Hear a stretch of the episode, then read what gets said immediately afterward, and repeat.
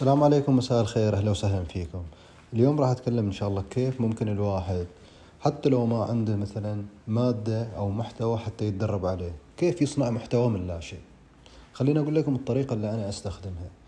يعني الطريقة اللي حضرناها وسمعناها في الدورات التدريبية تقول خلي يكون عندك model business model زي ال business model عفوا public speaking model هذا الموديل هي هي ال structure خلينا أقول أو الهيكل اللي ممكن أنت تخليه دائما متواجد قدامك وأي فكرة تكون في بالك تحاول تتحرك فيها في هذا الإطار. مثلا واحدة من ال structures أو من الهياكل اللي إحنا تكلمنا فيها من قبل هيكل ال format. أه العقبة اللي أنا كانت تواجهني لما كنت أحاول أطبق هذه الطريقة إن أشوف أي فكرة أو أحاول أفكر واستغرق في التفكير وما أتمرن. ما يصير عندي مجال إلى التمرين أو أحس بصعوبة ما أقدر أتحرك. ففي الحقيقة شفت إن أنا هذه الطريقة فيها نوع من الصعوبة وما تخليني أسوي تمرينات كفاية حتى أسوي تمرينات ال public speaking.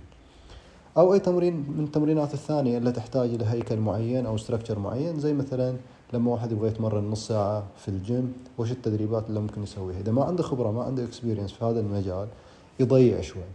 فالطريقة اللي يستخدموها في الجيم مثلا يكونوا يتمرنوا ويا واحد قديم فهذا القديم تلاقي عنده مثلا توزيع معين. يوم السبت مثلا يمرن عضلتين يوم الأحد يمرن عضلتين في الجسم يوم آه الثلاثة يمرن عضلتين مختلفة أو يعود يتمرن يمرن نفس العضلتين اللي مرنها مثلا يوم آه السبت مثلا وهكذا.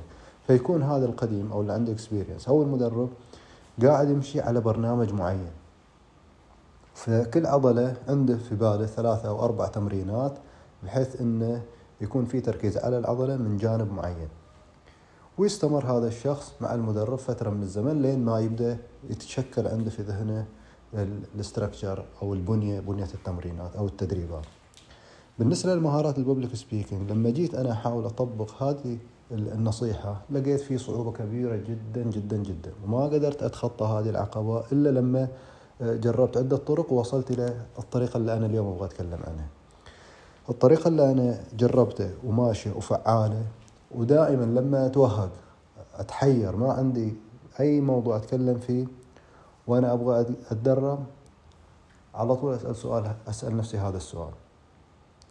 أنا الآن أبغى أقدم معلومة. فأنا كني أخاطب عقلي اللاواعي أو كني أخاطب نفسي. أنا أبغى أقدم معلومة. أنا عشت في هذه الحياة مثلا سنوات معينة. عمري 20 سنة أو 30 سنة أو 40 سنة. فأكيد مرت علي مواقف وأكيد في ناس أنا سابق لهم بخطوة أو خطوتين يبغوا يتعلموا مني بعض الشغلات. فأنا الأمور اللي سبقتهم فيها يتمنوا أن يسمعوها صح ولا لا؟ كل واحد فينا عنده تجارب معينة. فالطريقة اللي أنا أسويها أبدأ أفتح ال voice recorder وأبدأ أسجل. أحط نفسي في موقف إن أنا لازم الحين أتكلم. اللي يصير في 80 90% من المرات اللي أنا أسوي هذه الطريقة اتفاجئ سبحان الله إن سيل من المعلومات تجيني في ذهني وأبدأ أنطلق فيها. ال structure مهم ال structure جدا ممتاز. اذا الواحد فيكم يقدر يطبقه زي ال format. يحط له فكرة ويبدأ يتكلم. مثلا المحور الأول ليش أنت تبغى تتكلم في هذه الفكرة؟ المحور الثاني وش الفكرة اللي أنت قاعد تحاول تطرحها؟ المحور الثالث كيف ممكن الواحد يطبقها؟ الرابع تطبيقاتها على أرض الواقع. طريقة ممتازة يعني تحط الفكرة وتبدأ أنت تتحرك في هذه في هذا الإطار أو في هذا الهيكل. لكن لو لقيتوا صعوبة فأنا التمرين اللي أقترحه جربوه عدة مرات. فعلا يعني أنا شغال وياي إن شاء الله أنتم بعد نفس الطريقة ممكن يعمل وياكم. فحتى تتمرنوا وتتمرسوا على مهارات ال public speaking أو مهارات الكتابة أو أي مهارة ثانية البرمجة مثلا. أي مهارة. حط نفسك في الوضع اللي أنت لازم تأدي فيه الشيء. إذا أنت قاعد تحاول إن أنت تتمرن متوهق ما تدري وش تتمرن التمرينات. خلينا افترض تمرينات هوائية أو تمرينات رياضية أو مشي أو أي شيء.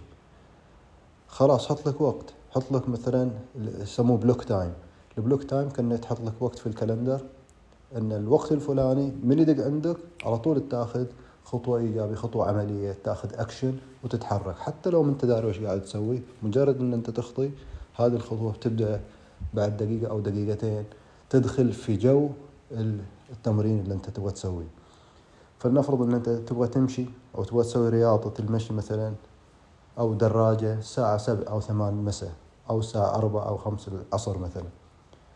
من يدق عندك ال reminder في الجوال؟ على طول بدل ملابسك الرياضية وانزل على طول على التمرين.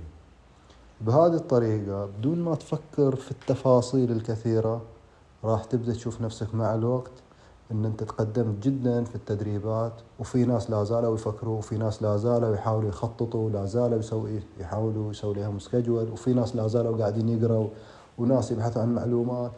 فراح انت بعملك تسبق. الناس الكثيرين اللي قاعدين يفكروا ويخططوا ويتكلموا نظريات وعندهم معلومات كبيرة بس ما عندهم اكشن فعشان كذا في حياتنا نشوف إحنا في ناس عندهم غزارة معلومات في مجال معين ولكن إنجازاتهم ضعيفة أو إنجازاتهم بسيطة. وهذا الشيء شفناه يعني واقع في شركات كثيرة أنا مريت فيها وفي أقسام كثيرة. شفت أنا مو دائما الشخص السمارت أو الذكي أو الشخص اللي عنده معرفة عالية جدا هو اللي قاعد يحقق إنجازات كبيرة. أو قاعد ياخذ المنافع والبنفت وقاعد ياخذ المميزات ويكبر ويستلم منصب في الشركات. لا. في الغالب لقينا الناس اللي يشتغلوا بالمعرفة البسيطة اللي عندهم هم مع الوقت اللي يوصلوا إلى مناصب كبيرة.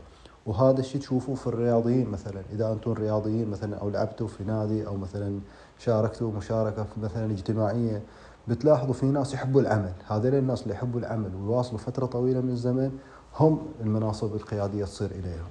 حتى لو تقول أنت كيف هذا الشخص مسك منصب قيادي وقاعد يدير مجموعة من الناس وإمكاناته القيادية ضعيفة جدا.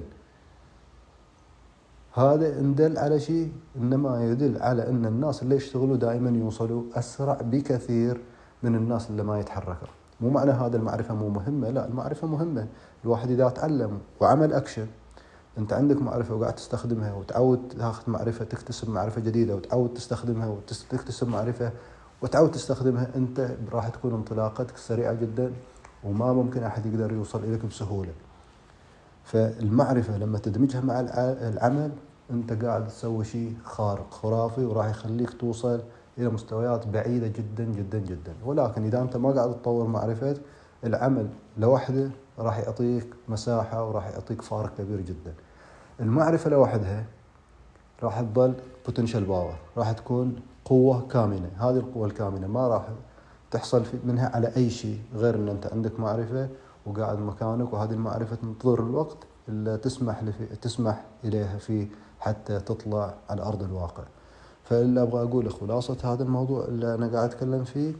إن أنتم الآن قاعدين تحاولوا تكتسبوا مهارات الببليك سبيكينج أو مهارات الحديث الفعال أو الحديث العام ما راح تكتسبوا هذه المهارة وأنتم جالسين بدون ما تسووا تمرينات. فالخطوة الأهم إن أنتم تسووا تمرينات. لو ما لقيت تمرين لو ما لقيت موضوع تتكلم فيه شغل الجوال وتحاول تتكلم في أي أي شيء يخطر على بالك قلنا من قبل ونأكد عليه اليوم حتى لو كان الكلام اللي قاعد تقوله مو مرتب حتى لو كان ما إلى هدف معين أنت توصله حتى لو كان كلامك مخربط حتى لو كان عندك وقفات حتى لو كان عندك تلعثم حتى لو كان عندك تشتت مو مشكلة. المهم إن أنت تبدأ تتكلم.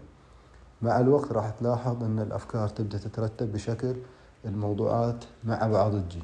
فهذه الخلاصة إن أنتم تتمرنوا قد ما تقدروا ومو مهم في البدايات إن هل الموضوع هذا مرتب أو غير مرتب. ونشوفكم في المقطع الجاي وتحياتي في أمان الله.